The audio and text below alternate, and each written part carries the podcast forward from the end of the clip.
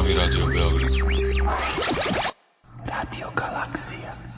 Sredo. Od 14. Kada je? Od 14. Od 2 do 4. Radio Galaksija.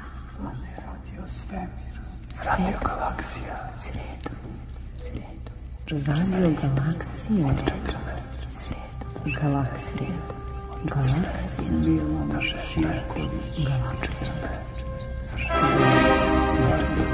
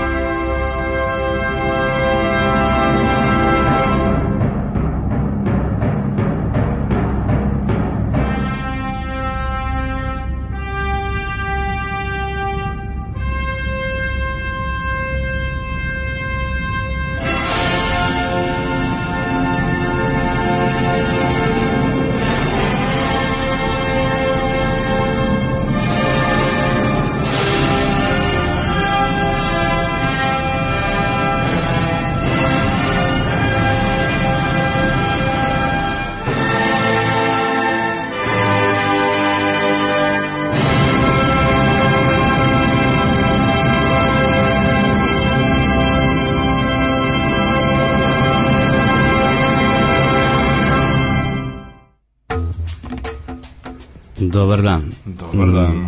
Sreda je i nalazimo se u Beogradu na planeti Zemlje. Počinje još jedna radiogalaksija. Danas ćemo pričati, boga me, o nekim stvarima koje se tiču možda i pomeranja ljudi van okvira naše planete, jel da? Normalno, pa tako i treba. To treba da shvatimo kao jednu vrlo privlačnu mogućnost. Pa da, dosta građevinskog dosta, prostora. Dosta, dosadila je ova zemlja, stvarno, mislim, da je dosadna, brate. Da šta sad, tolke milijarde godina nešto. na jednom mestu i... ma, ma da ne, ne, ovaj, ta, sve je to u redu, lepo je to kao sve, ali ovaj, sitno je to za ljude sa ovakvim ovaj, apetitom. Jeli, velikim vizijom, velikom mm -hmm. vizijom i perspektivom. Ali no dobro, ovaj, vrućina je pa u tom smislu ćemo mi onako lagano danas. A, Pa da, ima vesti neki. Nije svuda vrućina, negde i zima sad, recimo na južnoj hemisferi. Nema, a prva vest ovaj, nam stiže sa južne hemisfere i prilično je zabavna. Naime, u Australiji otkriveni dinosaurusi.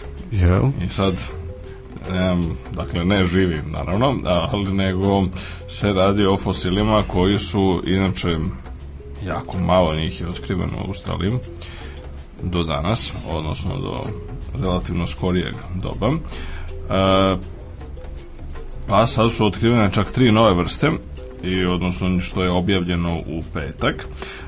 E, I te tri nove vrste su čak i onako, ne samo što su nove vrste dinosaurusa, nego su i vrlo impresivne, pošto su u pitanju jako velike vrste.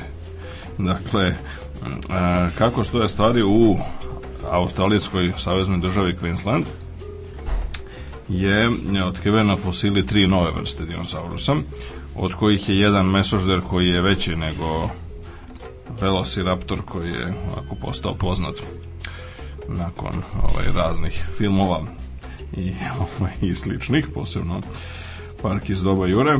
A, e, a onda otkrivena su i dva e, biljojeda dinosaurusa koji su ogromni i koji su pripadaju istoj generalnoj porodici kao i gigantosaurus, Mm, dakle, a sad ne znam kako stoje stvari, ovaj, će dobiti nova imena i oni su bili dakle veliki biljojedi pa, dvadesetak, tridesetak metara u da. dužinu. Da te u tom smislu mislim da su ovo značajna nova otkrića. E sad, oni su živali u principu um, lokalitet na kome su pronađeni i njihovi fosili su datirani na oko, pre oko 98 miliona godina, što će reći da je to bila negde pri početku perioda krede.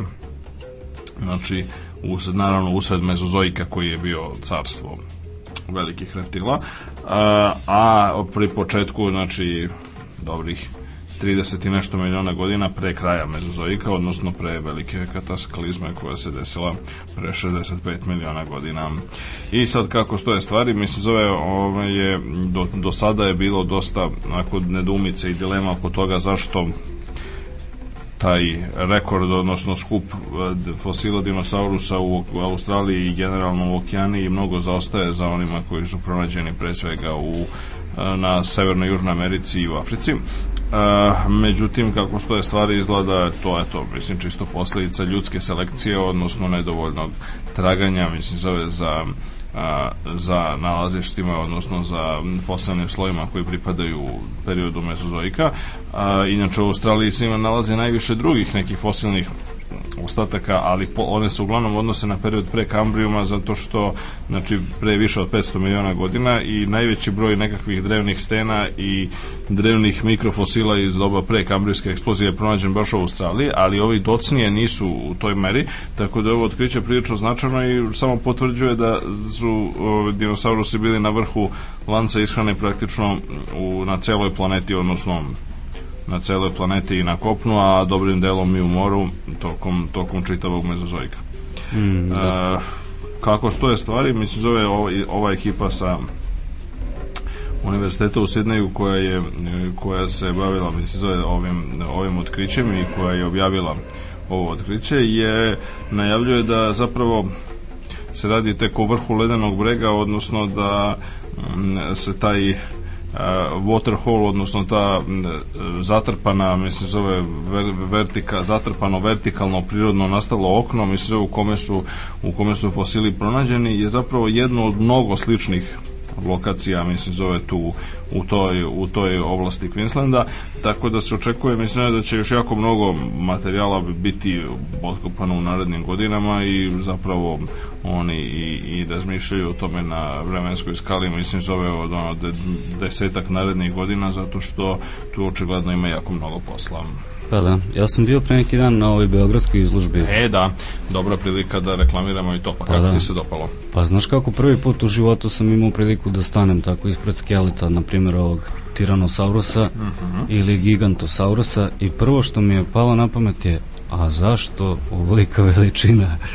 e, u odnosu na, na to kao kako, kolika je sada planeta, pretpost, moja pretpostavka da ona nije bila značajnije, ve, ve, značajnije ovaj, veća u to, u to vreme, pa da su oni nego prosto nisu imali ovaj, neprijatelje prirodne i onda da. su se razvijali koliko god su mogli.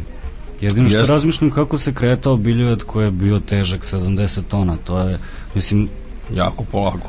Da, isto kao danas ovi neki tegljači koji nose velike konstrukcije ili nešto Jeste, tako. Jeste, jako se polako kretali, vrlo neobično, mislim da je dakle situacija, ali ovaj ali treba imati na umu mislim da nekoliko stvari da sem mm, toga i metabolizam i druge stvari su bile znači klima je bila prilagođena sporijem metabolizmu mm -hmm. mislim za u to doba i tako da mm, Tako da su mnoge stvari bile drugačije u odnosu, u odnosu na, na ovo kako danas sagledamo, ali sve u svemu mislim da to je preporučujemo svim slušalcima pa da. koji nisu ovaj, koji nisu bili da ovaj, da navrate, to je dobra prilika. E, kako stoje stvari, druge vesti nam stižu iz Londona, e, gde je održan sastanak e, na temu opet naravno velikog problema klimatskih promjena, ovaj put uticaja klimatskih promjena na okeane.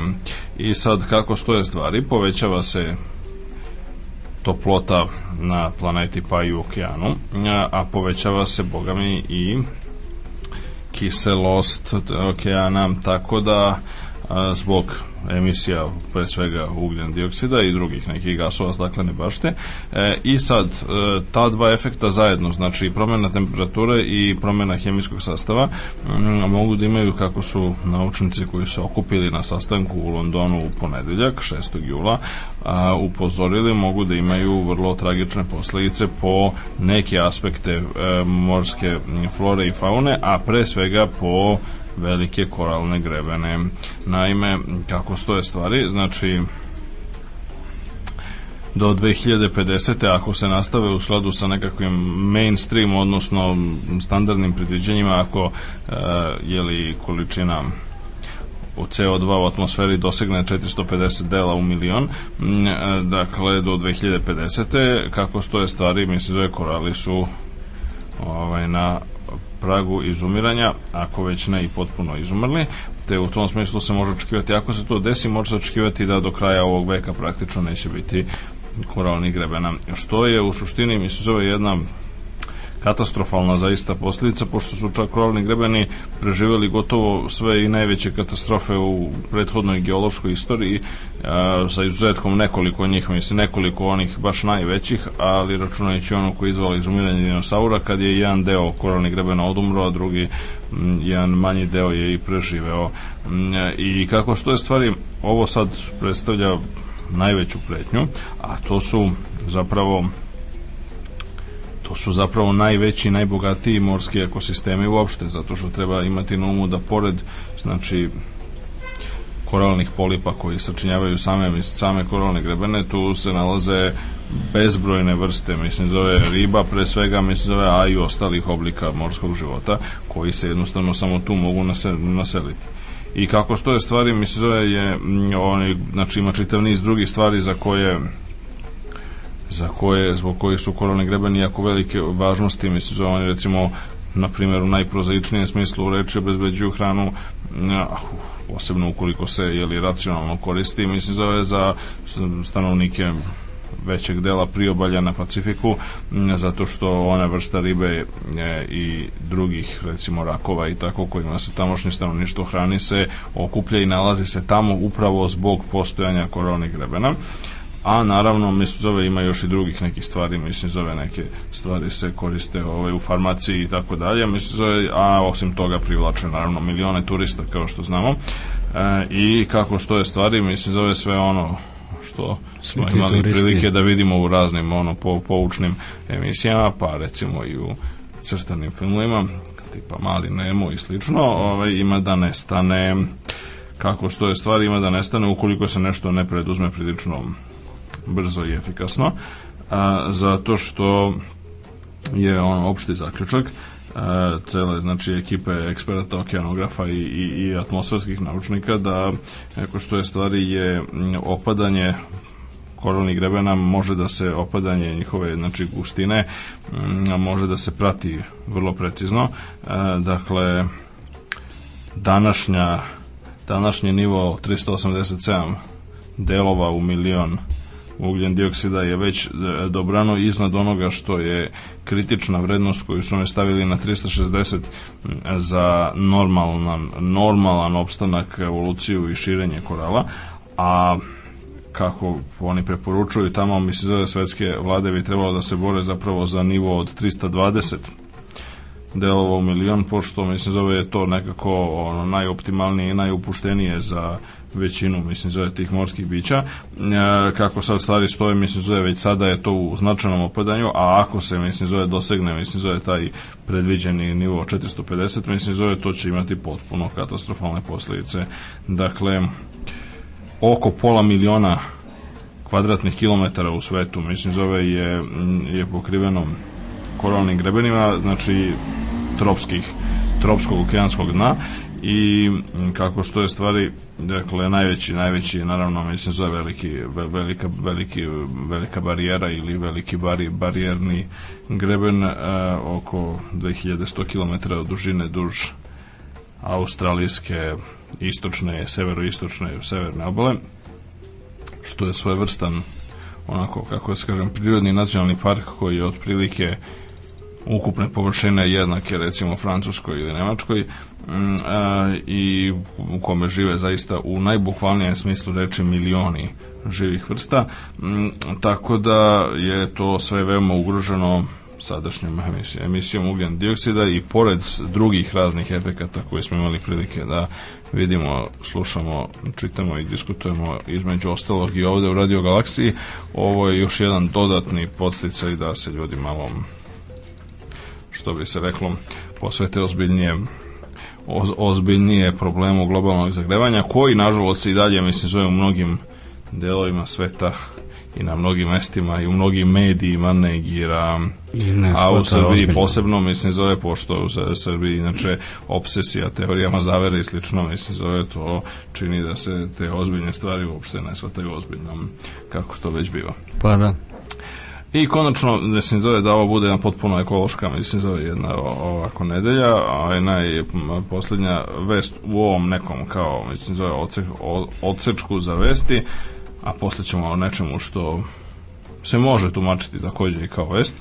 Mm, je nam stiže, ali za sada nam posle vest stiže iz Rio de Janeiro. E, u Rio de Janeiro otkriven novi majmun ne, mm -hmm. to jest ne baš u Rio de Janeiro, ali u Amazonskoj prašumi, mislim, za mhm, relativ, da, da, da. relativno blizu, otkrivena nova simpatična vrsta majmunčića, koje je, znači, objavljeno juče, to jest utorak 7. jula, dakle, prvi put je viđen viđen, zapažen 2007.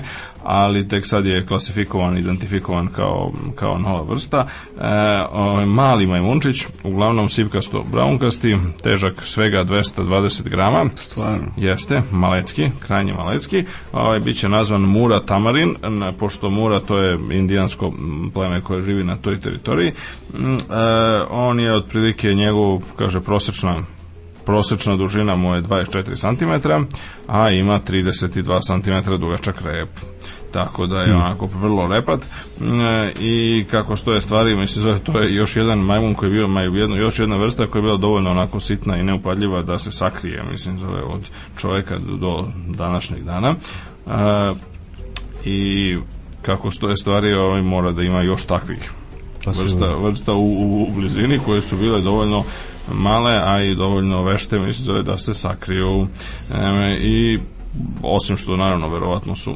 lokalni indijanci znali za njih, ali nisu mogli baš da ih opišu dovoljno detaljno i nisu svaćeni dovoljno ozbiljno.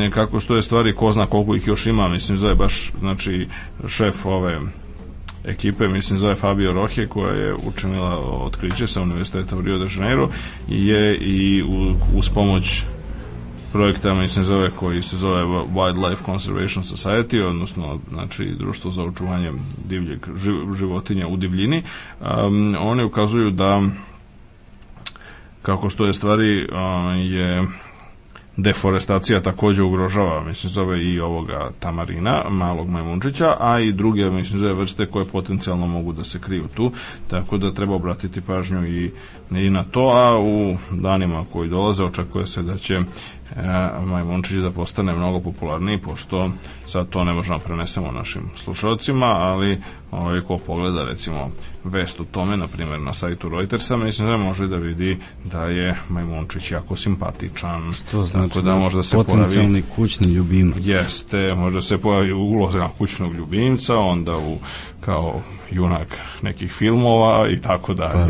Pa da, pa da. O, Ove, ovaj, ali u svakom slučaju mali, mali Majmunčić da malo zasviramo. Hoćemo i pošto nam je danas odsutna naša ovaj, muzička urednica e, naše emisije.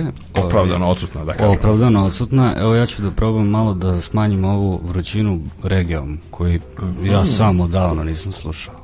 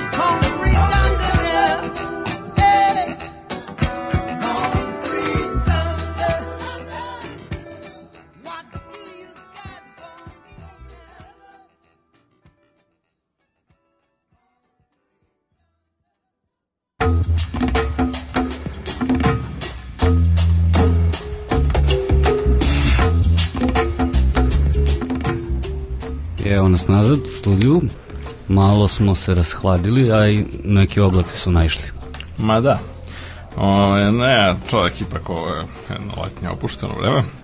A, u sledu sa tim, sad jeste da još ima vremena i bit će još par emisija Radio Galaksiju, ali ovaj, nije loše da pomenemo jedan jubilej koji se bliži jako se približio da kažemo, mislim zove da će biti za jedno dve nedelje. E, dakle, a to je 40 godina od spuštanja na mesec. I sad, zašto je to interesantno? Pa pojavila se nova knjiga evo pre koji dan se pojavila nova knjiga Andrewa Smitha ovako dosta poznatog kako bi se reklo science autora, odnosno mislim zove tako pisca popularno naučnih istraživačkih knjiga i tako, koja se zove pod naslovom dakle Moon Dust ili Mesečeva prašina, a pod naslovom In Search of the Man Who Fell to Earth, odnosno u potrazi za ljudima koji su pa, pali, pali na zemlju ili se spustili na zemlju, a zašto je to sad, o čemu se tu tačno radi? Pa radi se pre svega o nekakvoj vrsti antibiografije, aj tako da nazovemo ovaj, Nila Armstronga, prvog čoveka koji se sostio na mesec. A zašto je to antibiografija? Pa, iz prostog razloga što je, ovaj, znači, kao u slučajima još nekih tako relativno ekscentričnih ljudi da kažemo u istoriji kao što je Howard Hughes koji je tužio pisce sopstvene njegove biografije i ovaj, na kraju ono, dobio neki sudski spor i tako dalje i nije hteo on, ali, ovaj, Neil Armstrong jednostavno nije hteo uopšte da sarađuje i on neće da daje intervjue i neće da ovaj, podrži takve projekte hajde tako da se izrazim e, i uopšte on čovjek onako živi jednim da kažem, go, gotovo monaškim, monaškim životom i čovjek ovaj, uopšte ne želi da kontaktira mnogo sa javnošću, sa medijima i tome slično e, i to ga jako ovaj, smara, no, reklo bi se ovako najpribližnije, adekvatnije e, i e, u čemu je stvar i sad ovaj Andrew Smith je to shvatio kao veliki izazov i onda je na taj način pokušao da ovaj, sretne sve ljude ovaj, koji su imali ikakve veze, mislim, zove sa celim projektom Apollo sa spuštenja na mesec sa Armstrongom lično i tako dalje e, i da ovaj, razreši tu misteriju. Kako stoje stvari?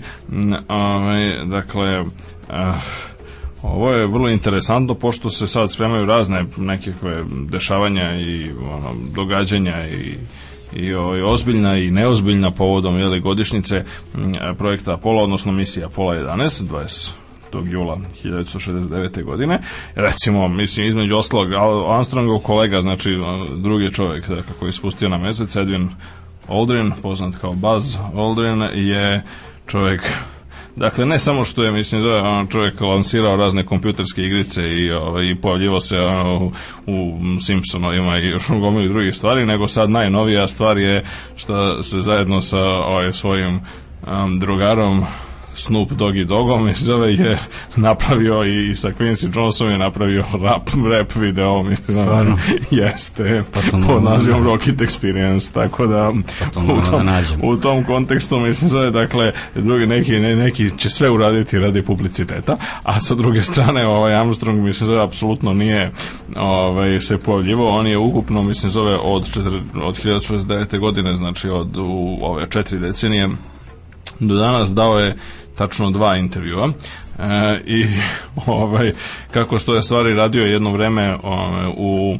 E, na, radio jedno vreme kao profesor, dakle kad se povukao iz, iz NASA, naravno iz kosmičkog programa, nakon 69. mislim zove radio je kao profesor ovaj, vazdušnog, vazduhplovnog inženjeringa na univerzitetu u Cincinnati, koji je relativno mali univerzitet i on je očekivao da će tu, što se kaže, naći ovaj, miran akademski kutak, međutim nije se to desilo, pošto je, kako, kako su, kažu njegove kolege, e, tamo, nažalost, morao je da provodi, mislim, zove po par sati svakog radnog dana, mislim zove potpisujući, mislim zove ono kao e, i razne, ovaj, dakle dajući autograme, mislim zove i studentima i ono, članovima stafa, čak i ono čistačicama i tako dalje i ovaj, kaže stalno su dolazili da vire kroz prozor njegove kancelarije mm, i tako tako da je na kraju da otkaz i povukao se potpuno ovaj, u privatan život. Uh, ono što e, ono što interesantno jeste da znači ja danas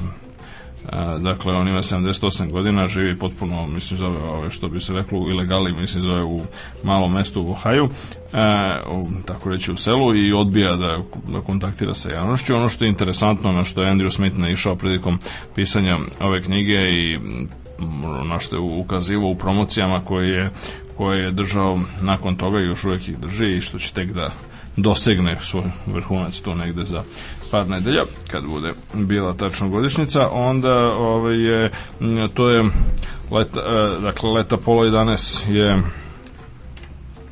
dakle samo vrhunac jedne inače velike karijere Armstrong je bio najuspešnijih pilota probnih pilota u istoriji on je između ostalog a, oborio svetski rekord a, e, sa čuvenim raketnim avionom X-15. A, znači, X-15 je mogao da postigne neviđene brzine. Armstrong je, a, je leteo brzinom 6540 km na sat, što odnosno negde recimo to je pa to je pet mahova, mislim, da. zove otprilike da. i, ovaj, i to je u to vreme bila, a bio svetski rekord, kasnije, kasnije oboren par puta, znači za atmosferske letove mm, e, i generalno gledano bio je pionir još u, ono, u mnogim drugim stvarima. E, e sad, A, ono što je ono što je bila činjenica jeste to, mislim zove jako teško i veliko opterećenje da se kada se birala znači posada mislim zove za, za taj let i kad je kad je to bilo mislim da je to bio deo jednog projekta u kojem je bilo zaposleno oko pola miliona ljudi generalno e, i to je verovatno i glavni razlog, mislim, zove Armstrongove poučnosti, pošto on isticao u ta dva intervjua, isticao da je potpuno pogrešno, mislim, zove pripisivati, mislim, zove njemu takve zasluge, mislim, zove, pošto su, pošto je ono, oko 500.000 ljudi, mislim, zove radilo na različitim aspektima, mislim, zove programa, programa Apollo i posebno, znači, leta Apollo, i Apollo 11, tako da ono neki način mislim zove osjećao da ta ovaj, da taj teret slave koji je stekao preko noći i bez neke svoje direktne zasluge mm, ovaj, je suviše težak i zaključuje da,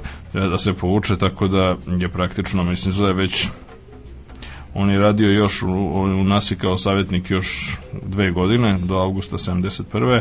a onda nakon toga mislim zove se povukao i kako stoje, kako stoje stvari mislim zove je ovaj, nakon tog kraćeg, kraćeg perioda rada na univerzitetu mislim zove se je od tada što bi se reklo nezaposlen e, i generalno gledano mislim zove je to je jedan ovako neobičan fenomen i u nekom smislu reči pa ja bih lično rekao čak i primer, primer za ugled, za razliku od ono, tako te komedije, mislim, zove koju pravi Oldren i, e, ovaj, i drugi, mislim, zove neki ono mnogo manje zaslužni, naravno, o, jeste, čovjek je ovaj, na neki način na neki način zaključio da ipak ono dela govore mnogo više od hiljadu reči tako da mhm. tako da sad kad bude ponovo bilo aktuelno i kad se budu verovatno ponovo gledali mislim zove ti istorijski snimci a, od pre 40 godina treba i, treba i na to da se podsjetimo. Naravno. Tako da sad malo muzičke. Ove, imamo sada i Baza Oldrina ovde sve zajedno sa Snoop Dogg Dogom. E, Možemo e, pa to? Divno, ajde. A da- onda ćemo... Ajde, da ajde da čujemo i to. Ajde, vaš. Kaže, improvizacija. All you need is the rocket experience.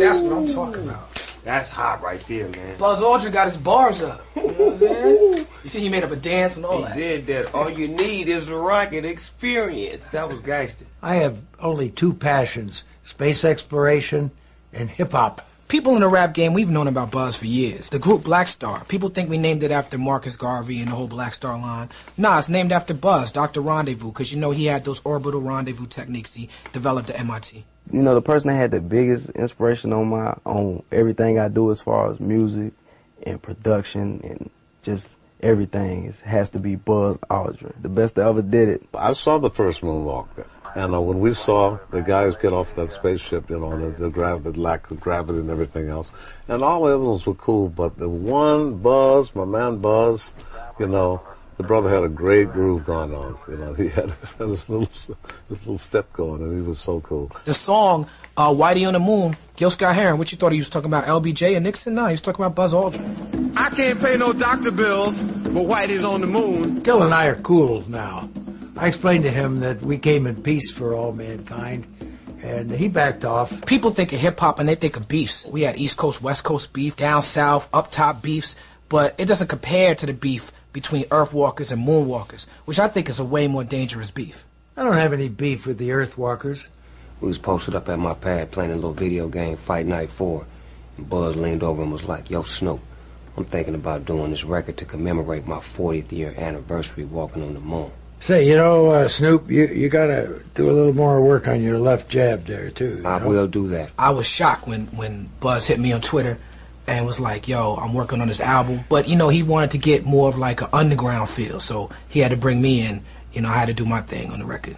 Well, it sure is fun twittering with you. Oh yeah, you know, I'm the Twitter king. You know. I tell a story about my time on the moon now. The sky was black even though the sun shined on. Moonwalking such a trip, it's so fine when you're walking in the lunar dust. I really admire the way Buzz takes chances you know, like how he challenged the NASA space program and, and even the track itself. Is there a word for something that you can't explain in words? Ineffable. I think that would be the word. Ineffable. That track is ineffable. Imagine a place above the sky, riding orbits in 90 minutes time. All you need is to come with me. I'll be your guide. To go flying into outer space. I am the spaceman. So, Buzz, uh, I'm curious. What do you think of this auto tune trend in music nowadays? Listen, that's no good. It's all played out. I don't want to have anything to do with that. So no auto tune on this song. No, no, no. Okay. All you need is the rocket experience. Yo, man, I think we need to tone the beat down just a little bit because uh, we're going to lose the message. It's too hard. What you need is a rocket experience. So when you're saying it, visualize yourself performing it. Put a little bit more attitude in it. Going up in a rocket. Exactly, yeah. like if you was flying in space. Yeah. All you need is the rocket experience. All you need is the rocket experience. All you need is a rocket experience. All you, need, is a rocket experience. All you, need, is a rocket experience. There it is. Take I that. I Take got that. You. I think That's I got it. you. That's it. Take yeah. that. Y'all got to read this book, man. Buzz Aldrin is so gangster. Now, Buzz, you need a remix of the song. And I got you. I'm going to do a G-Mix style. From the ground to the fly, to the high, to the sky, to the clouds, to the stars, to Mars. The stars can see it's me, D-O-double-G. To the moon, consume, let the bass go boom. We can fly in a rocket, got the smoke in the socket. You can put it in your pocket unlock it. I'ma rock it. It's Snoop, D.O. Dub, with Buzz. That's my cuz. I'ma show you what it is. Now you know what it was. It's the G-Mix. Fly me to space.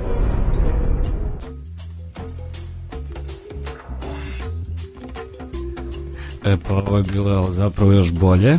pošto smo... Apsolutno, neočekivano. da, čuli ste soundtrack iz ovaj, uh, filma koji je Making of, zapravo Buzz Aldrin, Snoop Doggy Dog i Talib Kweli, ovaj, spota Rocket Experience. Eto, featuring hm. Ludwig van Beethoven i da. još other artists, da. various artists. Da, baš Zolirin, baš gangster.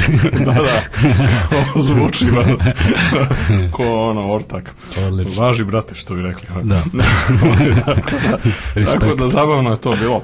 Ovo, ovaj, jeste, eto, ljudi se zezaju, to je, ovaj, to je dobro, mislim da u svakom slučaju dok ono kao u ovom periodu kad su, ovaj, nažalost, nažalost razne emisije sa ljudskom posadom posustale iz razno raznih razloga, uglavnom ekonomskih, e, a ovaj, nadamo se da će to ovaj, ko što reče, mislim, zove Snoop Dogg u jednom trenutku da će se to sad e, malo ćemo otići i na Mars i na druge ovaj, mm -hmm. na druga razna mesta i to nas ovaj, to je u stvari odličan šlagord za ono o čemu sam mislio da onako opušteno prođaskamo u ovoj radio galaksiji, to je ovaj, da li treba da zidamo i kako ćemo da zidamo ovaj, kuće u svemiru. Da, kako one treba da izgledaju. Tako da, to je sad, to su sad ono kao a, e, velike teme o kojima su ljudi razmišljali, gle čuda još ono, jako davno, odnosno u zadnjih stotina godina, a recimo uspešni letovi na mesecu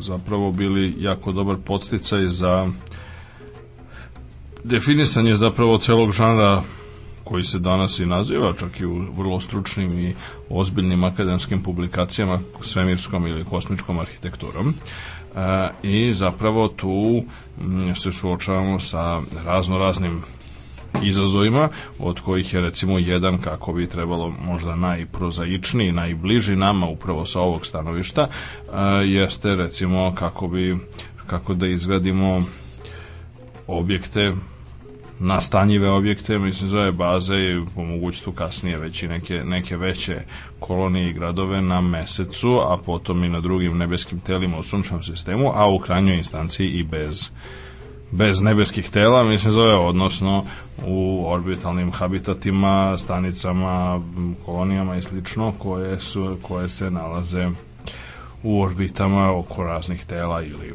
oko sunca ili oko zemlje ili u takozvanim Lagrangeovim tačkama i drugde gde su sve ljudi zamišljali da bi bilo poželjno imati ljudsko prisustvo. Pa da, ili oko nekih veštački proizvedenih ove, izvora gravitacije. Naravno, mislim, zove, naravno.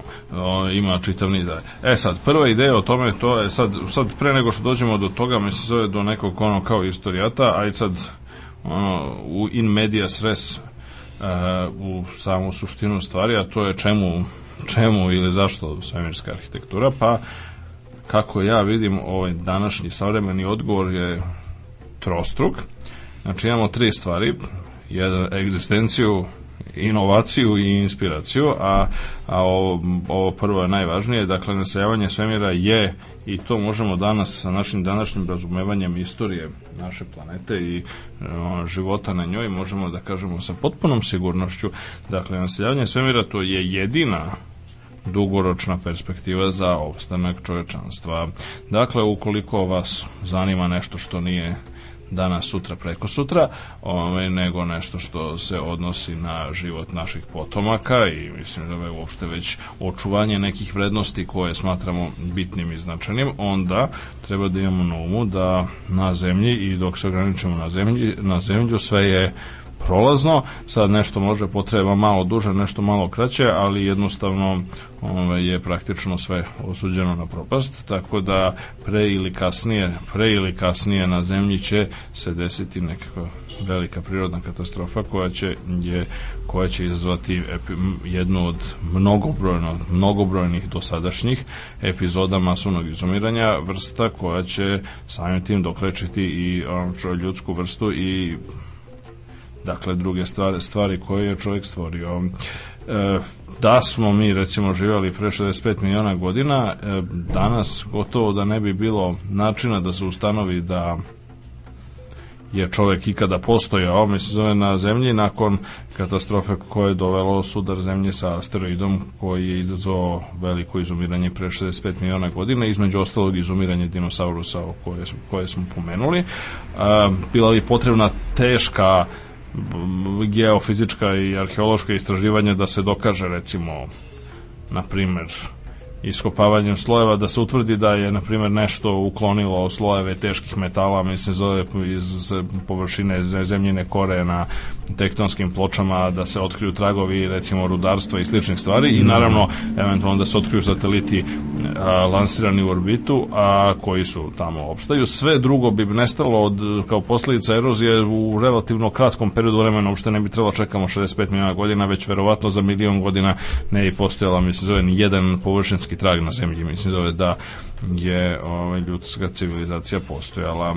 Te shodno tome, mislim da pošto su, kao što, pošto su u svemiru generalno stvari daleko trajnije, pa samim tim i znači naseobine ljudske naseobine u svemiru bi bile kao što su i ljudski sateliti u svemiru najtrajniji one koji se nalaze na stabilnim orbitama su najtrajniji artefakti ikada i naravno druge stvari čak i one stope Armstronga i Odrena na mesecu će trebati mnogo duže nego što će pa da. trebati, mislim za ove građevine mislim za one neće ni one mislim trebati baš bukvalno ono za uvek, zato što postoje mikrometeoriti koji izazivaju eroziju vrlo slabu do duše ali postoje nekakve erozija na mesecu ali ovaj ali će trebati mnogo duže nego bilo šta na površini zemlje što bi ostalo i ne bi se održavalo.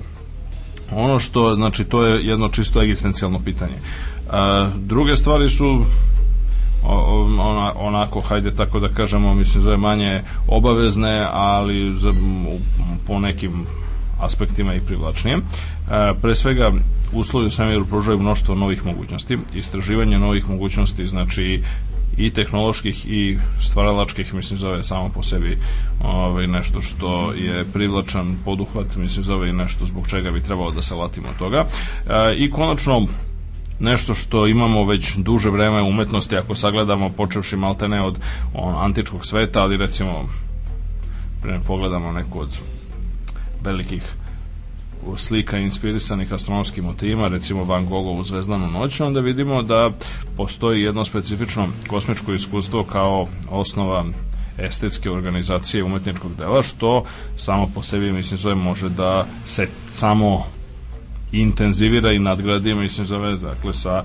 razvitkom ljudskog prisustva fizičkog prisustva van zemlje.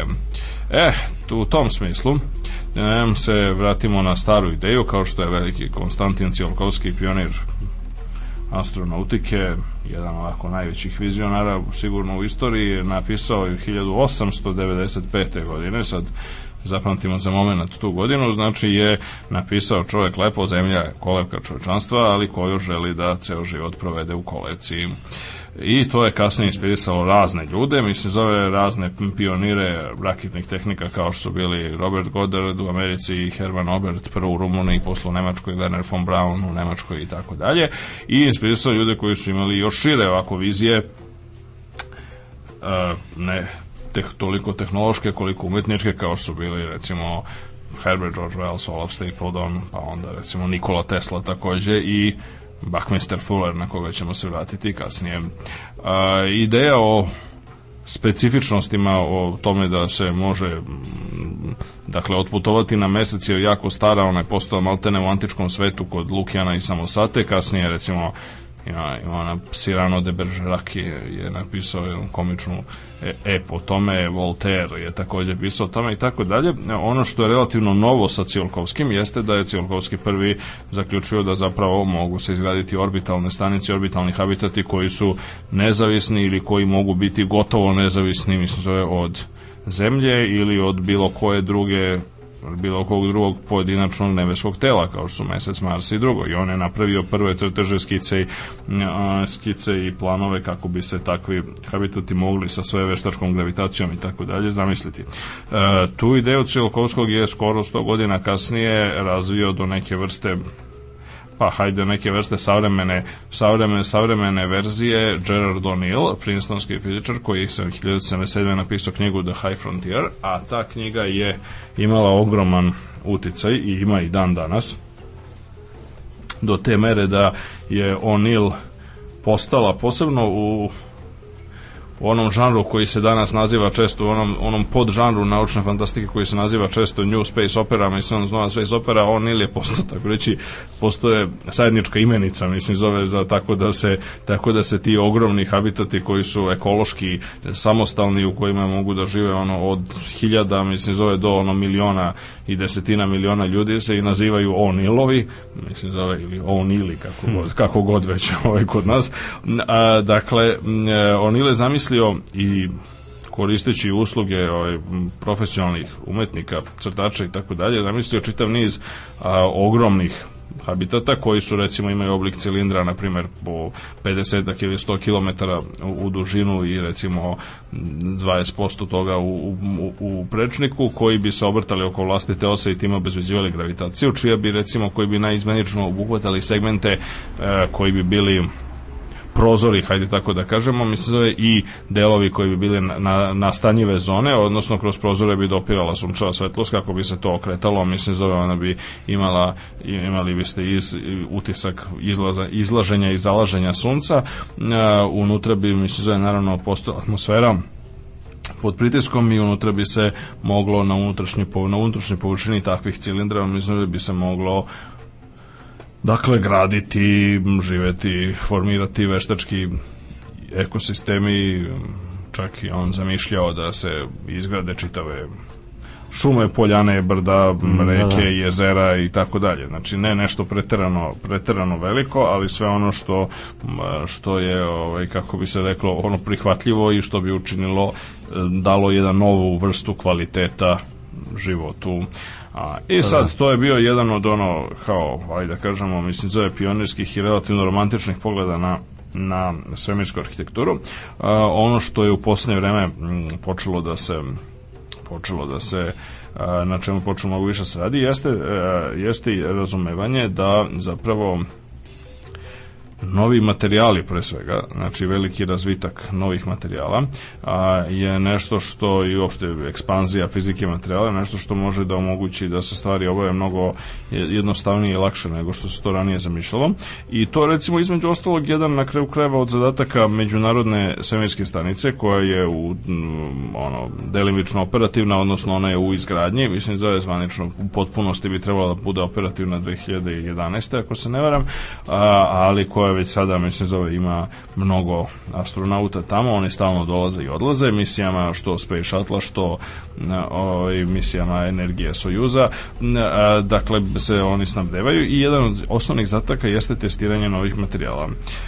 novi materijali su verovatno ključ, e, znači ključ e, ljudske ekspanzije u svemir, zato što e, novi materijali, posebno oni koji se mogu proizvesti in situ, odnosno na licu mesta u mm-hmm. svemiru, je za nešto što značajno, značajno, značajno, značajno a, olakšava, preciznije poje, pojeftinjuje da. a, ovaj, troško, troškove širenja svemira. Naime, glavni problem sa naseljavanje svemira jeste ovaj, relativno prozaičan, to je onaj problem koji je razumeo Newton kada je razumeo zakon gravitacije. E, klasični, naime, problem jeste u tome što je jako teško izbaciti jedinicu mase, znači ono kilogram materije van zemljinog gravitacijonog polja, pa čak i da ga ubacite u relativno nisku orbitu, to i dalje jako mnogo košta. To košta mnogo više nego što košta da ga prenesete bilo gde na između bilo koje dve tačke na zemlji. Pa da. Te u tom smislu reči to je glavna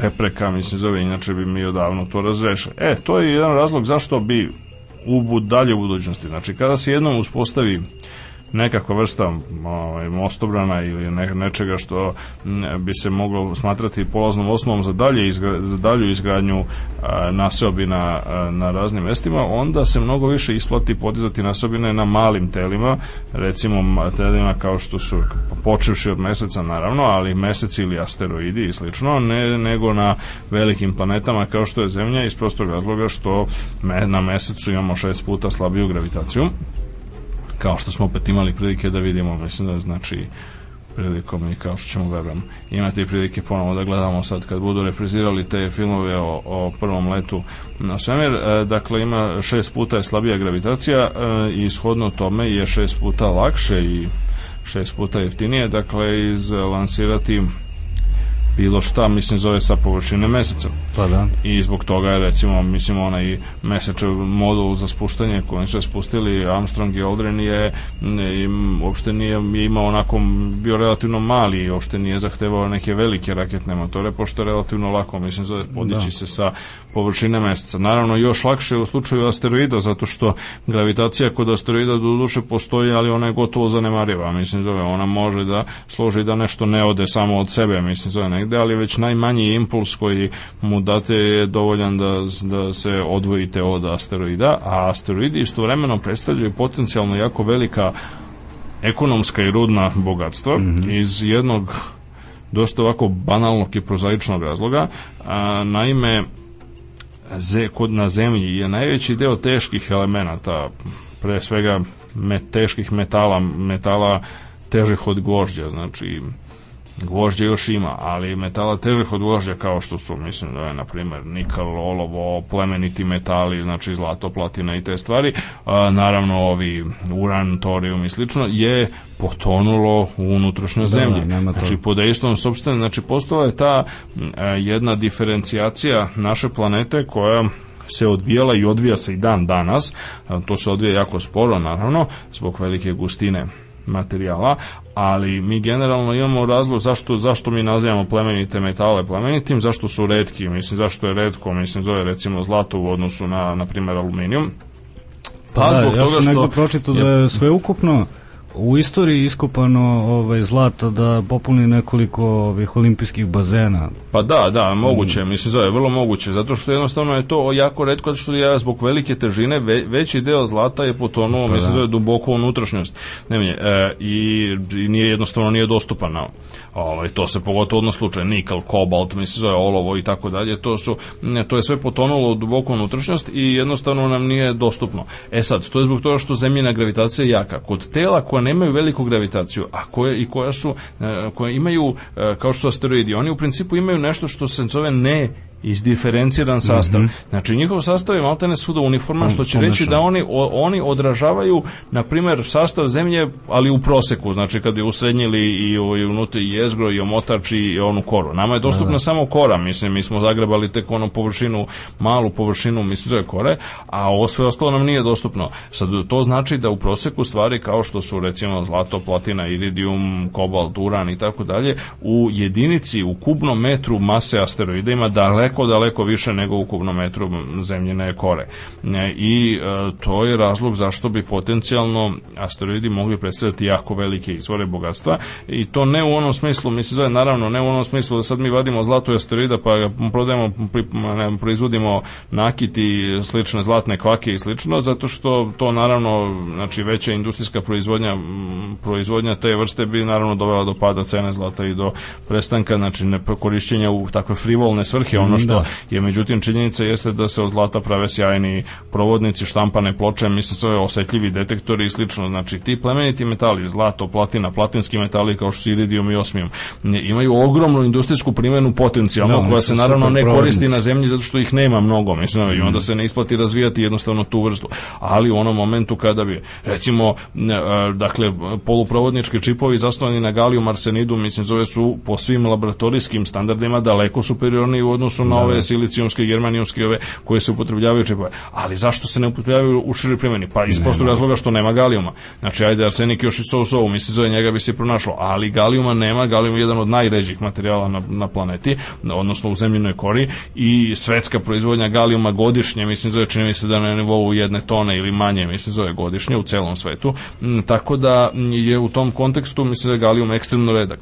I uh, ono što je Dakle, ono, ono što nam govori, na primjer, to da bismo na asteroidima i na drugim ono, manjim neizdiferencijanim telima pronašli mnogo više takvih substanci, što bi potencijalno omogućilo razvijanje jedne potpuno nove industrije, no. koja da. više ne bi bila ograničena tim specifičnostima sastava zemljine kore, kao što ljudska industrija jeste od samog početka, od industrijske revolucije na ovamo.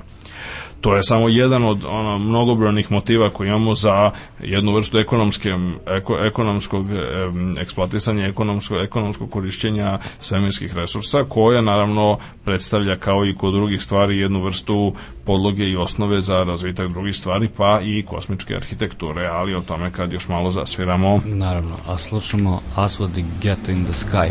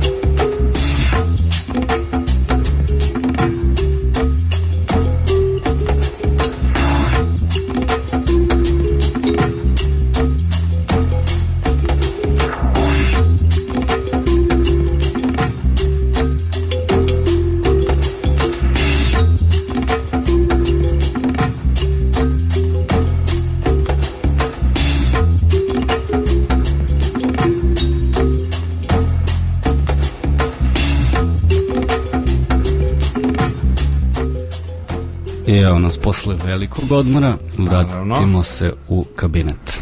Pa, sad ima tu nečega. Da. Dakle, ovaj, mesec, mesec je Dakle, pored, kažem, opet asteroida, kojih ima nekih koji se približavaju zemlji, to su takozvani NEO, odnosno Near Earth Objects, obližnji asteroidi koji predstavljaju jako dobru metu za buduće misije. E, najprirodnija, naravno, metam je mesec. I sad, mesec je zanimljiv po nekoliko stvari. E, znači, osnovne fizičke razlike, hajde tako da kažemo, meseca i zemljanskog okruženja, koje su relevantne za život i organizaciju života, pa i izgradnju građevina na mesecu su pre svega slabija gravitacija koju smo pomenuli, što je prilično dobra stvar. Mislim, zove, ako su objekti oko šest puta lakši nego na zemlji, onda to samo znači da je potrebna i manja sila, mislim, zove, koja da treba da održava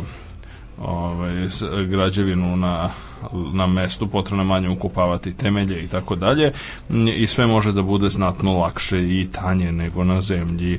Pritom treba dodati to da je mesec geološki geofizički mrtvo telo, znači na mesecu za razliku od zemlje nema vulkana, nema gejzira, nema zemljotresa, nema drugih nekih izvora, tako da isto tako ne moramo da brinemo o zemljotresima, odnosno seleno tresima kako bi trebalo da bude ovaj, jeli, mesec o tresima kako god već e, dakle tih stvari nema i onda shodno tome ne moramo da gradimo ni neku posebno čvrstu, e, posebno čvrste objekte, znači sve može da bude daleko lakše. E, ono što je naravno otežavajuća okolnost sa druge strane, to se kompenzuje nekim otežavajućim okolnostima, pre svega nepostojanje atmosfere.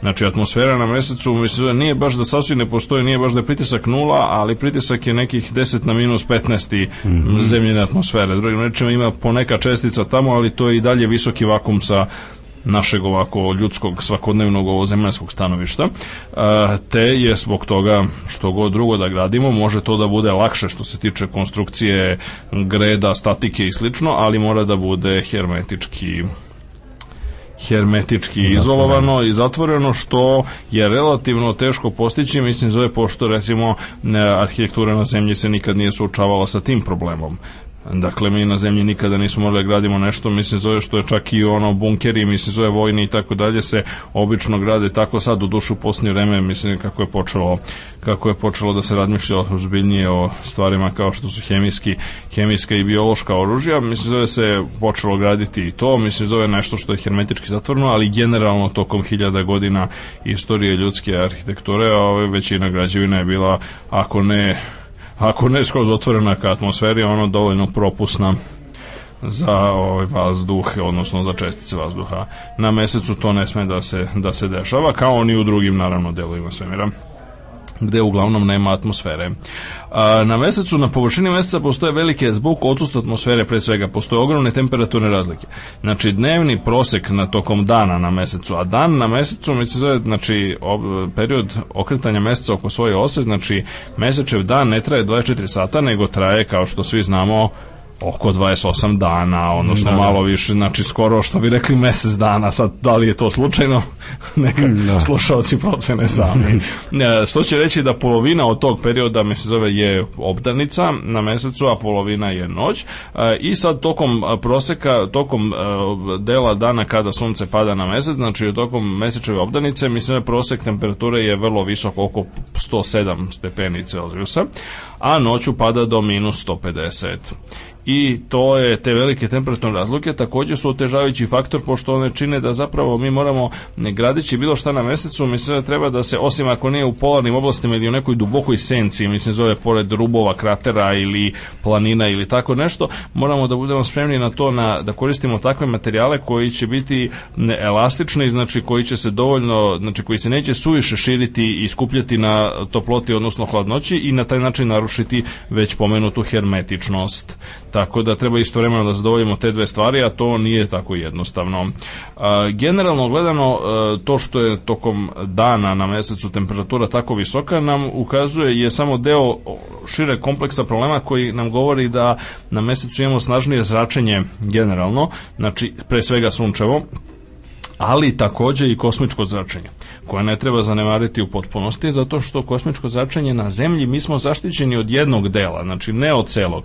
Znači najjači kosmički zraci naravno dopiru na zemlju, prodiru kroz atmosferu, prodiru kroz nas i tako dalje, mislim zove to se dešava. Oni čine jedan deo prirodnog fona radioaktivnosti kojim je svako od nas izložen i na koji u principu evolucija uspela da se navikne i da evo, evoluira mehanizme zaštite u odnosu na to.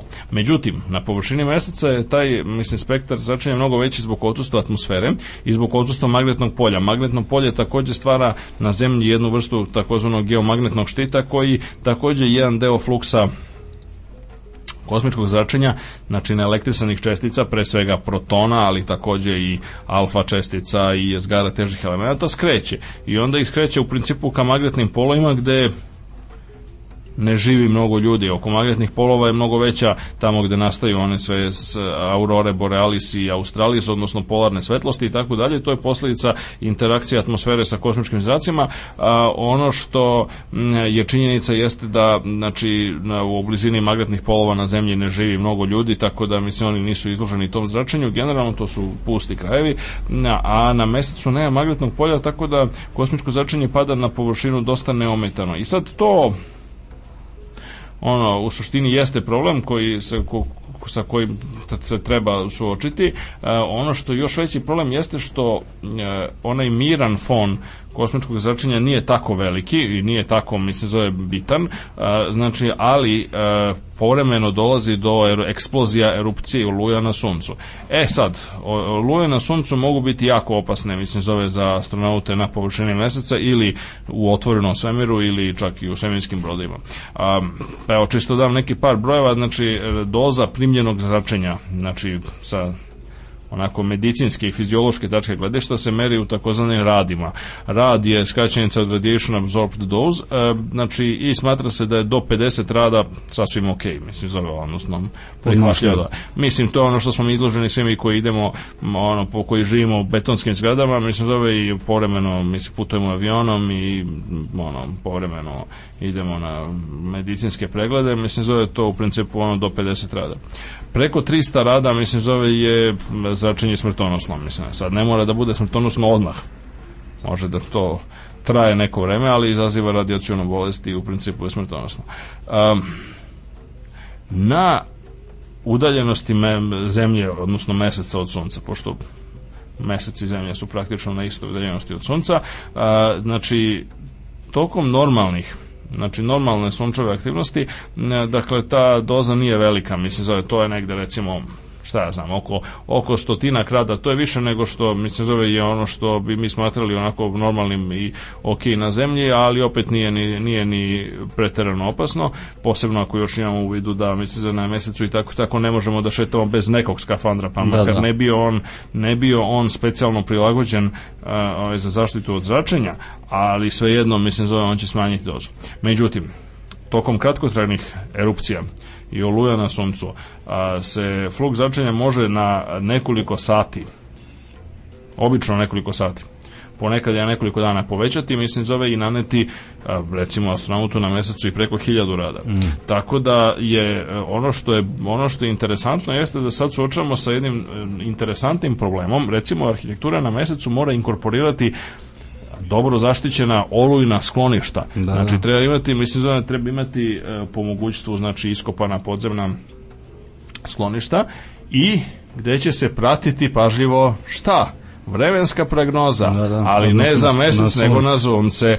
I onda, mislim, da to se već danas radi, inače, zato da, što da. erupcije na suncu izazivaju oštećenja satelita, mislim, zove posebno ovih telekomunikacionih satelita prekida na mrežama i izazivaju veliku materijalnu štetu u suštini. Ono što ljudi ne shvataju da, mislim, zove dan danas erupcije na suncu, mislim, one ne, ne čine, mislim, nas, te sve spekulacije o tome da li one utiču na klimu i tako dalje, mislim, zove, to je sve pričan ti priču, ali da. ono što je sasvim konkretno i jasno, mislim, zove, što, što nije predan spekulacije, jeste da, da su one u stanju nastojanju da oštete satelite, oštete finu elektroniku, mislim, mm -hmm. i, i u skladu sa tim da proizvedu veliku materijalnu štetu, ometaju međunarodne linije, telefonske pozive i slično. Pa da, a, mi imamo oko 8 minuta ovaj, od neke eventualno uh, uh, erupcije da se sklonimo u neko sklonište. Pa u principu Nešto mislim da ne, u principu da, mislim samo što ne, mislim ne, poenta jeste da se može predvideti ranije kad će doći, mm -hmm. mislim, znači nije, mislim kad vi imate dobar monitoring o, eh, i sunca što su počeli ljudi da rade, onda se može vidjeti videti, mislim zove već razvoj, znači toga se može videti, tako da je, i satima m,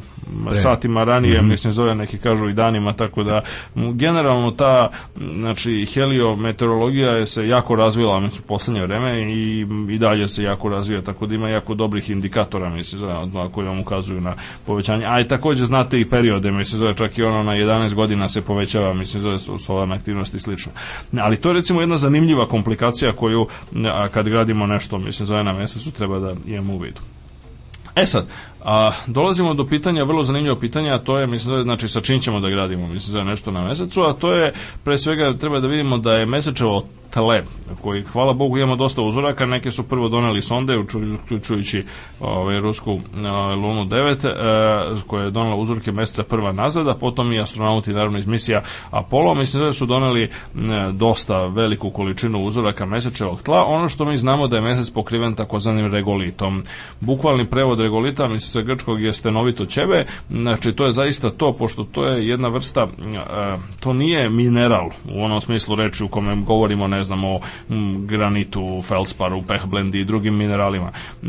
Ne, nego to je naprotiv jedna mešavina svih mogućih minerala i prašine koja je nastala stalnim mislim stalnim, ali m, redkim, ali ono, tokom milijardi godina ništa drugo se nije ni dešavalo, udarcima e, meteorita, malih, velikih, srednjih i tako dalje, koji su porem, koji su neki način iz, izmrvili stene na površini meseca i uglavnom pretvorili, mislim zove, u najvećem delu. Znači, to se ne odnosi na mora, to se odnosi na vrhove planina na mesecu, ne odnosi se na vrhove onih obodnih, e, obodnih planina oko kratera i tako dalje, ali najveći deo mesečeve površine ove obične pre prekriven regolitom, znači to je jedna mešavina kamenja i prašine koja je e, uglavnom, znači hemijski sastav kad se analizira, se zove, to je relativno slično e, zemljenoj kori u nekakvim e, pustim krajevima kao što su recimo ono velike pustare, mislim zove, ili čak i stepe, znači to je uglavnom kiseonik, silicijum, magnezijum,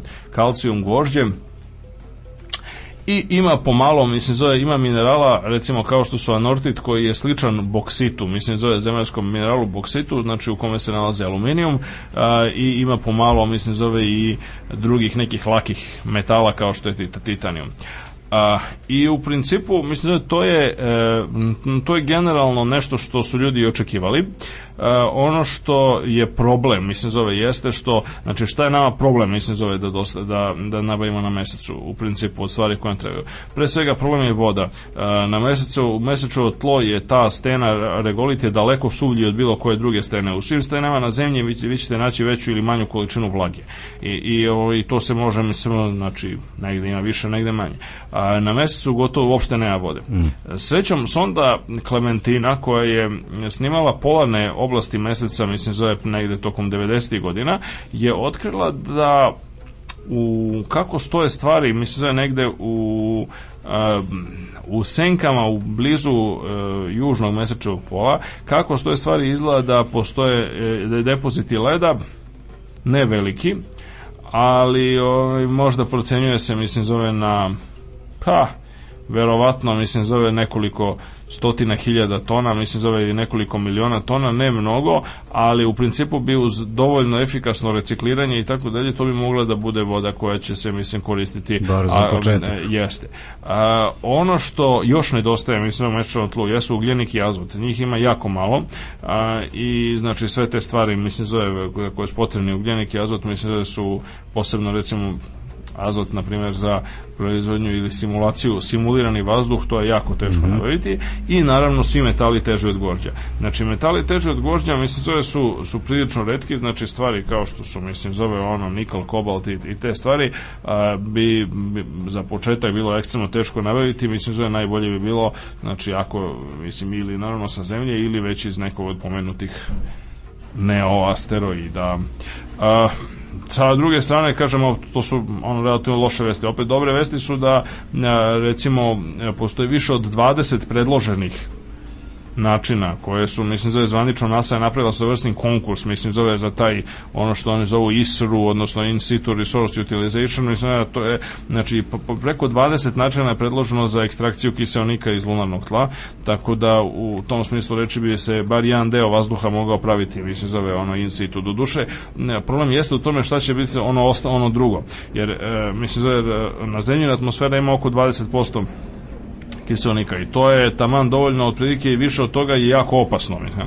zato što sa svakim dodatnim procentom kiselnika se otprilike duplira verovatnoća izbijanja spontanog požara mislim zove odnosno ovaj, dakle ne da ne do bog mislim zove ljudi nažalost dešavalo se ljudi, ranije nisu ljudi bili toga svesni trojica američka astronauta su e, poginuli mislim zove tako što im se zapalila atmosfera u kabini pre poletanja zato što u njoj bio veliki procenat slobodnog kiselnika ne, i e, u principu kad imate mnogo kiselnika to ne samo što deo delo je, mislim, zove mamljujuće nakon dužeg vremena, mislim, zove na ljude, pa počnu, mislim, zove da haluciniraju i da se čudno ponašaju, pa da. ne, nego, e, nego takođe je ekstremno opasno sa stanovišta požara.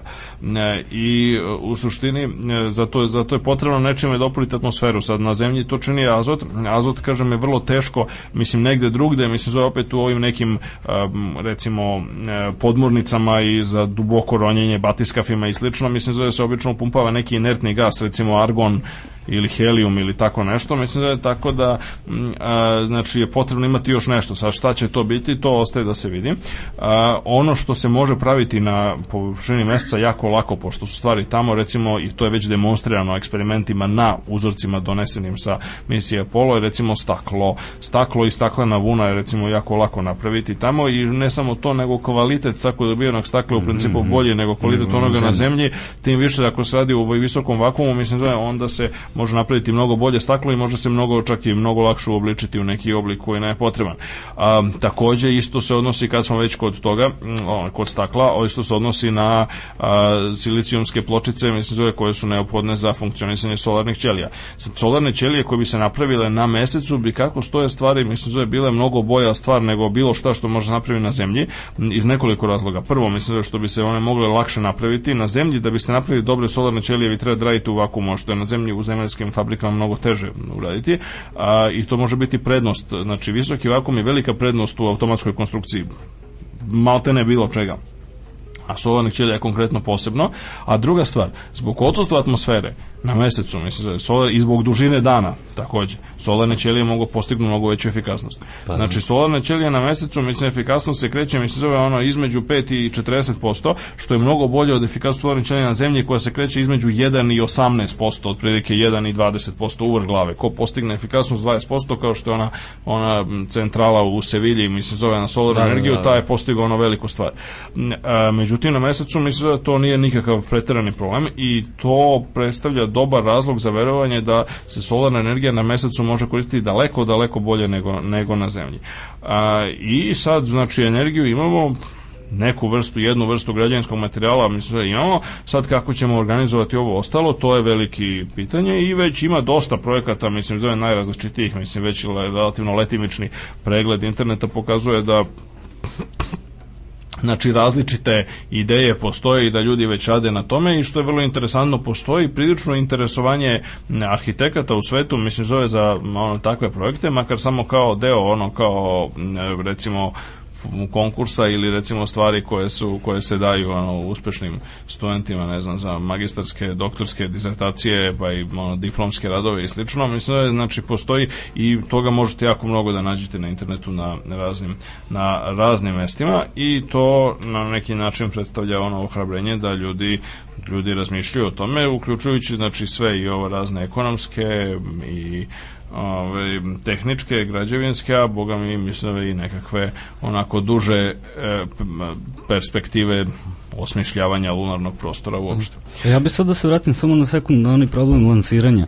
Mislim da je ovaj, e, vizija Artura Clarka bila da se napravi prsten neki oko zemlje koji bi bio na toj nekoj orbitalnoj visini uh, a da do njega bi mogli da napravimo neke liftove, tako da bi kao e, teret mogao da se diže na... E, solarni, ovaj, znači kosmički lift, ono, space elevator mm -hmm. je mhm. jedna velika tema, e, hajde da kažemo, mislim, zove to, ako možemo sad da dotaknemo, dotaknemo se pomalo toga, ali to je jako, ono, kao, mislim, Nekoliko knjiga ima napisanih skoro na tu temu, bilo nekoliko sastanaka, međunarodnih sastanaka, a, kojih je jedan organizovao NASA, mislim zove jedan drugi Planetary Society, čuveno planetarno društvo koje je osnovao Carl Sagan i tako dalje. Znači oni su u principu, a, postoji veliko interesovanje za to.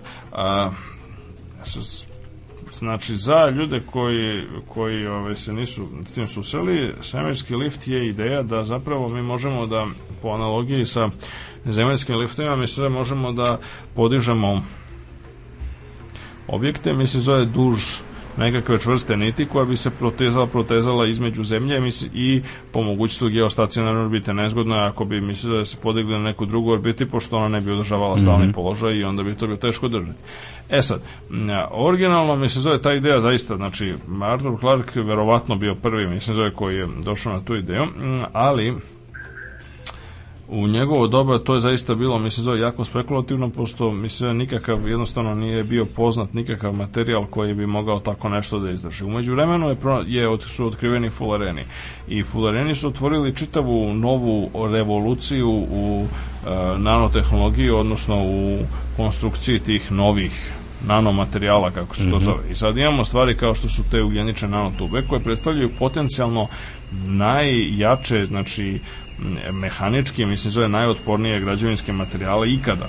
I e, u suštini e, ono što e, je jasno danas jeste da nanotube bi omogućile i generalno fularensko vlakno bi omogućilo da se napravi nešto što je i ole blizu onim mehaničkim zahtjevima koje zahteva tako nešto. Da, Jer da. napraviti tako veliko, mislim, znači ogromna nit dugačka, mislim, zove destinama hiljada kilometara i dovoljno čvrsta, naravno, da se ovaj, uz uh, uz nju i niz nju mogu spuštati mi sve razni tereti, uh, to ona ima ogromnu masu i uh, potrebno je ogromno, pre svega ogromna izdržljivost na istezanje tako nešto, znači potrebno je znači potrebno imati jednostavno vrlo superioran materijal. Kako stoje stvari, mi smo možda na pragu, to je još uvek jako diskutabilno, ima ljudi koji su skeptici, ima ljudi koji su optimisti u pogledu toga kad se radi o konkretno fizici materijala neophodnoj za, mm, za izgradnju tako nečega, tako da, ali sad uglavnom imamo nekakvu viziju toga kako bi to izgledalo. A, kako bi to moglo da se znači, na čisto fizičkom nivou osmisli. Ono što je mm, ono što je očigledna prednost mislim zove toga jeste da, da se kada bismo razvili tako nešto, onda bi se, znači, energija koja je potrebno uložiti da bi se podiglo jedinica mase, znači 1 kg, 1 tona onaj, sa zemlje u orbitu bi se smanjila neslučajno mnogo. Dakle, mm, u tom smislu, bez obzira koliko, bez obzira zapravo koliko koštalo potencijalni izgradnja svemirskog lifta, ona, on bi se isplatio u relativno brzom roku, da. a, zato što jednostavno mislim razlika između cene koštanja, cene podizanja mase u orbitu posebno u tu geostacionarnu orbitu koju inače mora, mislim zove da u koju inače mora da se svemirski lift učvrsti na drugom kraju, a, bi bila je, je ogromna. Tako da u tom smislu reči, znači ušteda na svakom daljem, mislim zove na svakom daljem lansiranju bilo čega, mislim zove bila ogromna.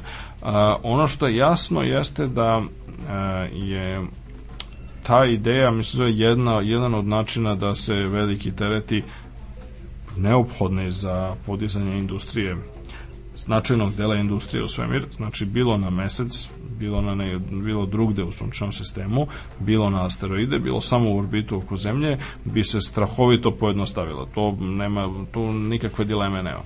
A, e, to je, neki bi rekli, preduslov za izgradnju zaista velikih astroinženjerskih proizvod, pro, projekata kao što su recimo one, oni Onilovi habitati i slično.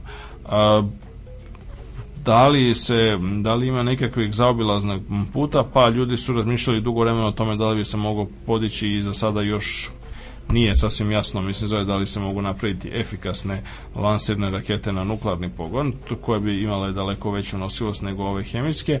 Mm, e, to je nekakva alternativa koja takođe na tome se radilo dosta tokom hladnog rata, ali bez nekakvih mislim za rezultata.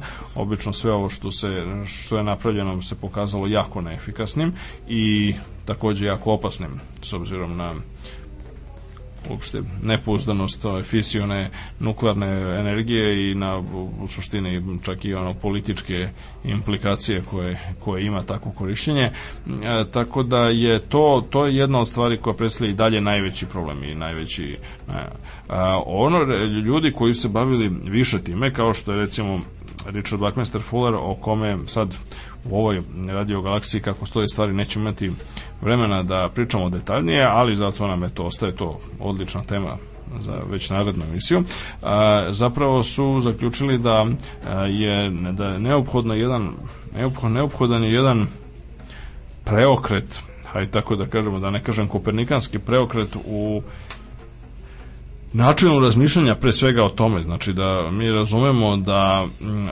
izgradnja i kosmička arhitektura, oni otišli korak dalje, pa mislim da je zagovarao i nove discipline kao što su kosmički dizajn, mislim da je i slično, dakle je nešto što apsolutno nije luksuz i frivolnost, nego nešto što treba posmatrati kao nužan naredni korak uopšte u evoluciji svega, pa znači inženjerije, transporta, da, građevinarstva, ergo, ergonomije dizajna, na umetnosti, naravno. E, tako da e, da to, e, to ostaje, mislim, to je jedna, jedna od stvari mislim, koja je jako velika tema i o kojoj ćemo svakako, mislim, zove onda da je nastaviti neki... ovaj, u narednoj radio radiogalaksiji. Pa da, a, ovaj, a sada slušamo Burning Spira i Fly Me to the Moon. Thank you.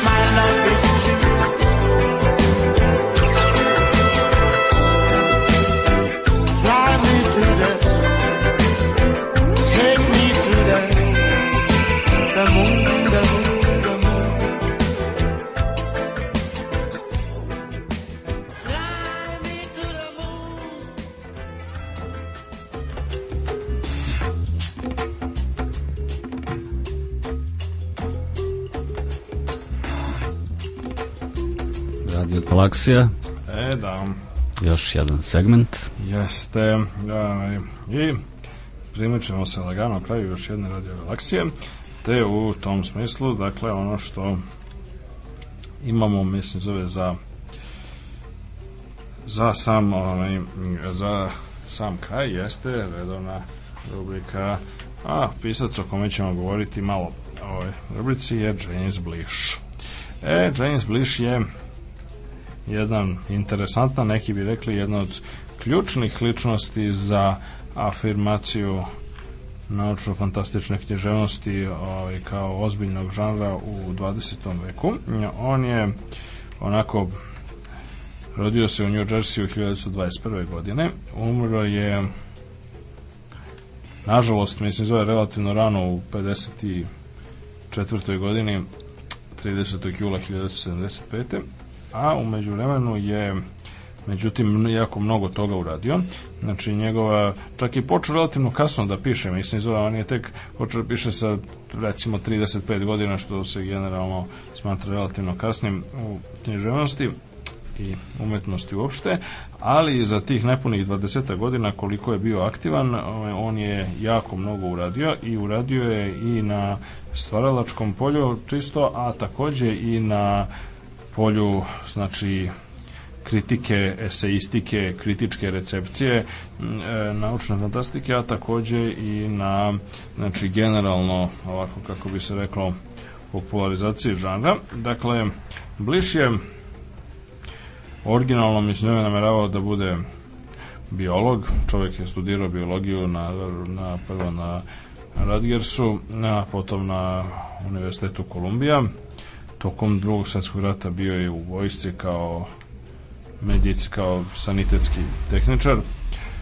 a posle rata je se zaposlio u Ficeru, u čuvenoj farmaceutskoj e, kompaniji gde je jedno vreme bio neka vrsta e, urednika njihovih publikacija a, i u principu u tom periodu je već počeo negde tokom drugog svetskog rata u principu počeo je da E, nešto autorski piše, tada su mu se pojavile i prve neke kratke priče, a onda ovaj, je negde recimo od 1947. godine recimo nešto posle Drugog rata počeo je da se bavi književnošću i recimo tada od 56. je profesionalni e, profesionalni pisac. E, on je ako ima nekoliko zanimljivih stvari vezanih za njega. smatra se da je u jednoj svojoj jako poznatoj ranoj priči Solar Plexus, on prvi mm, prvi skovao i prvi upotrebio termin gasni džin, mislim zove, odnosno gas giant koji je postao ono, uobičajni za planete Jupiterovog tipa. Uh, njegovo najpoznatije, mislim ima nekoliko stvari po kojima je jako poznat. Jedna stvar je mislim što je bio jedno vreme scenarista za Zvezdane staze. E, I to je mnogi kažu, mislim zove bio možda jedan od najboljih najboljih perioda Zvezdanih staza, mislim zove negde u a, e, kasnim 60-im e, i ranim 70-im godinama. A, e, on je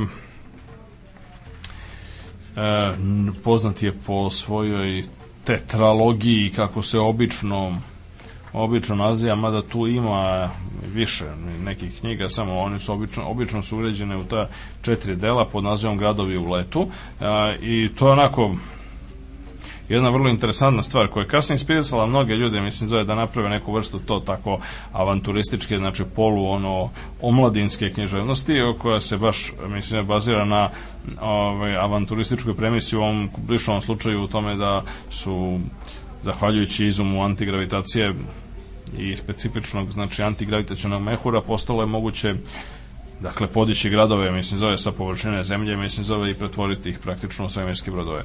E, i, ove, ovaj, I onda sad razne avanture raznih gradova koji su, ove, ovaj, koji se dešavaju po sunčanom sistemu, a kasnije i širom galaksije, sve dok u posljednjoj knjizi, u poslednjoj knjizi ali Triumf vremena ili kako je prevedeno u Velikoj Britaniji gde je Bliš inače da on je malo, nešto pre smrti mislim da emigrirao iz Sjedinjenih država u Veliku Britaniju e, i, i živeo je u Oxfordu mislim zove sve do, do smrti e, on, znači u posljednjoj e, u, tako da mnoge njegove knjige imaju različite i čak i naslove mislim zove u britanskim i američkim izdanjima znači su e, sudar cimbala je britansko izdanje koje je obiljeno i kod nas, odnosno naš prevod eh, ovdašnji srpsko-hrvatski tada još uvijek je baziran na tom britanskom izdanju, mislim da tu je Bliš čak i rešio da eh, okonča ceo svemir, mislim tako da je došlo do jednog kako bi se reklo, eh, sumraka bogova, odnosno do, do jeli, uništenja ovog našeg svemira, ali sa jednom posebnom verzijom stvaranja nekih novih svemira, mislim, zove iz toga što je ovako interesantno kao ideja koja je tek mnogo kasnije dobila neku, neku potporu u okviru kvantne kosmologije koja nam ukazuje da stalno nastaju i nestaju mislim za razni kosmološki domeni nalik našem najverovatno najuspelija u čisto literarnom smislu je Blišova trilogija pod naslovom Za takvim znanjem, odnosno After Such Knowledge, to je citat iz mm, pesme Tomasa Eliota, e, koja je vrlo interesantna, pošto zapravo on tu spaja mnogo različitih žanrova. E, prva objavljena knjiga Slučaj savesti je dobila sve moguće nagrade, mislim da je kad se pojavila 1959. godine a, e, i ona je značajna po tome što prvi put prvi put dakle uvodi nekakve zaista ozbiljne metafizičke pa i teološke motive u naučnu fantastiku zato što ona prikazuje jednog jezuitskog sveštenika koji je deo ekipe koja uspostavlja kontakt sa vanzemljskom rasom koja je kako on to zaključuje u toliko zapravo superiorna i u toj meri mislim da je odsutan svaki koncept ovaj, mane, greške i greha iz njihove civilizacije, da on zaključuje da to jednostavno ne može ne, mo, ne može biti, mislim, zove zaista proizvod, mislim, prirodnih procesa, mislim, zove nego nekakva nekakva zavera Dakle, ovaj, i sad tu se svašta dešava. U e, tome, ono što je drugi deo te trilogije Dr. Mirabilis je istorijski roman koji se bavi Rogerom Baconom. Roger Bacon, britanski franjevac iz 13. veka, jedan od prethodnika naučnog metoda, jedan od najoriginalnijih ljudi svog doba, tako čovjek izmislio naučar, izmislio barut, izmislio tako mnogo raznih stvari a, i imao je velike vizije ovaj, budućnosti, predvideo čovjek i leteće mašine i svašta tako u 13. veku. E, dakle je Dakle, nešto sasvim različito. A opet mi se zove zadržava nekakve slične motive i konačno mi se zove ima taj crni uskrs, odnosno treći, treći kratak roman koji se govori o apokalipsi, odnosno nuklearnom ratu i tako dalje i sve u svemu mislim da ima jedan, cela ta njegova trilogija cela ima, ima jedno duboko filozofsko e, značenje koje je do tada bilo odsutno mislim zove u naučnom fantastičnom diskursu. I konačno knjiga o kojoj ćemo ovdje da govorimo, a to su e, Zvezdane spore su nastale zapravo amalgamom nekoliko glišovih e, priča koje dele zajedničku temu onoga što on naziva pantropija, što je zapravo e, što je pre, ideja koja potiče od e, Johna Holdena, jednog od najvećih naučnika, biologa pre svega, ali i polihistora, čoveka koji se bavio svim i svačim. E, Holden je sugerisao jedan od otaca moderne sinteze ove sadašnje neodarvinističke teorije evolucije, e, Holden je sugerisao u više svojih eseja, a posebno u jednom čuvenom eseju koji se zove Poslednji sud, e, da tamo negde mnogo davno, recimo 20 osme godine, na primjer, 1928.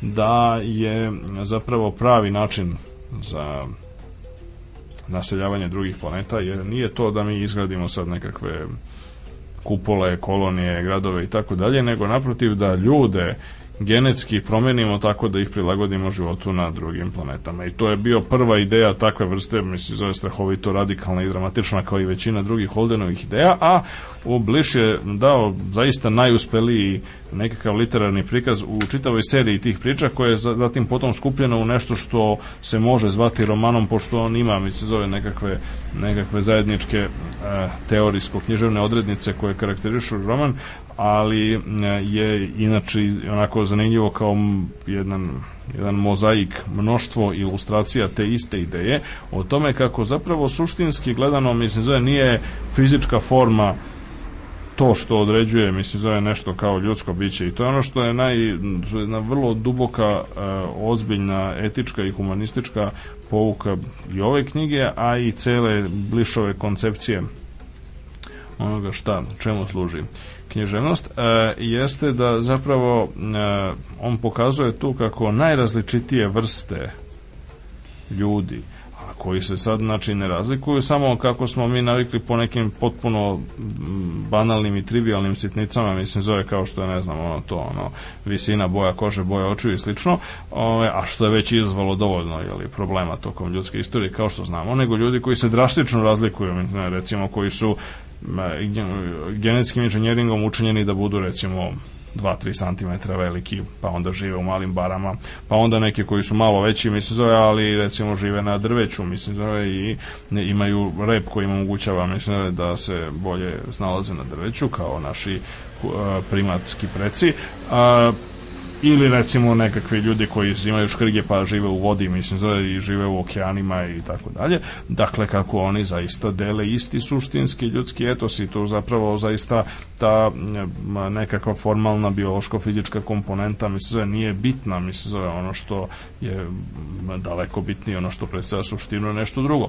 A, velika a, ironija cele, cele knjige Zvezdanih, Zvezdanih spora, cele knjige koju svakako preporučujem naj najsrdačnije. Kod nas je izašla u starom dobrom izdanju biblioteke Kentaur i to je iz najboljih dana ove ove edicije. Preveo je niko drugi, mislim zove, nego Darko Suvin, a Darko Suvin je jedan od najvećih svetskih teoretičara, mislim zove, inače sad mi bi rekli danas, jeli, hrvatskih, ali on je čovjek dugo, dugo vremena, mislim zove, radi, radi već u Sjedinim državama i u Kanadi a, i on je, smatra se jednim od najvećih svetskih teoretičara naučne fantastike, znači na planeti, apsolutno, mislim zove čovjek je citiran u maltene svakom broju recimo science fiction studies koji je akademski časopis posvećen E, teoriji naučne fantastike, a mm, e, znači Darko Suvin i njegova supruga su preveli ovu knjigu, izdanje je 1978.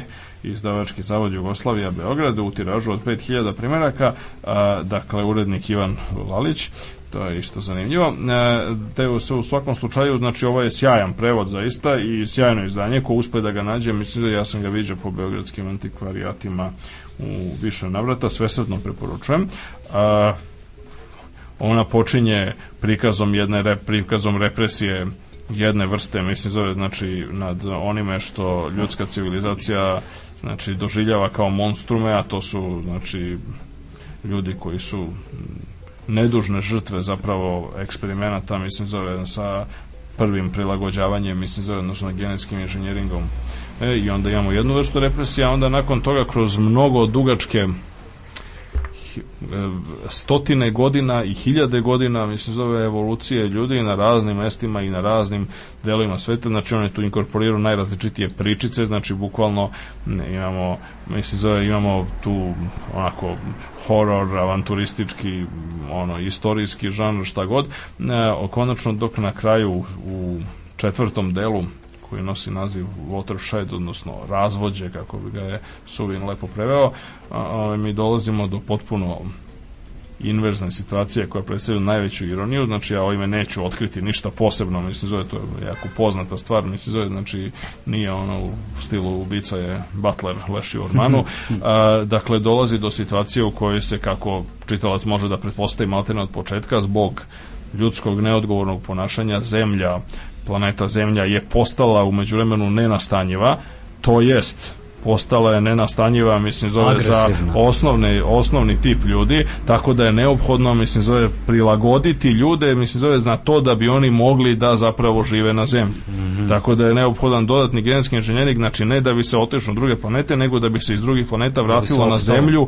koja je umeđu vremenu postala nenastanjiva. I sad samo po sebi, mislim, zove ta ironija već zaslužuje onako dublje, dublje ove, ovaj, razmišljanje i promišljanje i da je to čovjek napisao ipak davne 1950 kraja krajem 50. ih godina, krajem 50. ih godina, dakle još pre leta Jurija Gagarina, na primer, pa da ne govorimo o Neilu Armstrongu i Space Shuttle i ovim ostalim stvarima i, nego, i pre nego što je struktura DNK bila sasvim jasna, mislim, zove kako jeste danas i pre dešifran ljudskog genoma i slično te u tom smislu je to zaista mislim zove jedna onako velika vizija koju svakako preporučujemo svim našim slušalcima za sam kraj jedan odlomak sa blizu početka zvezdanih spora.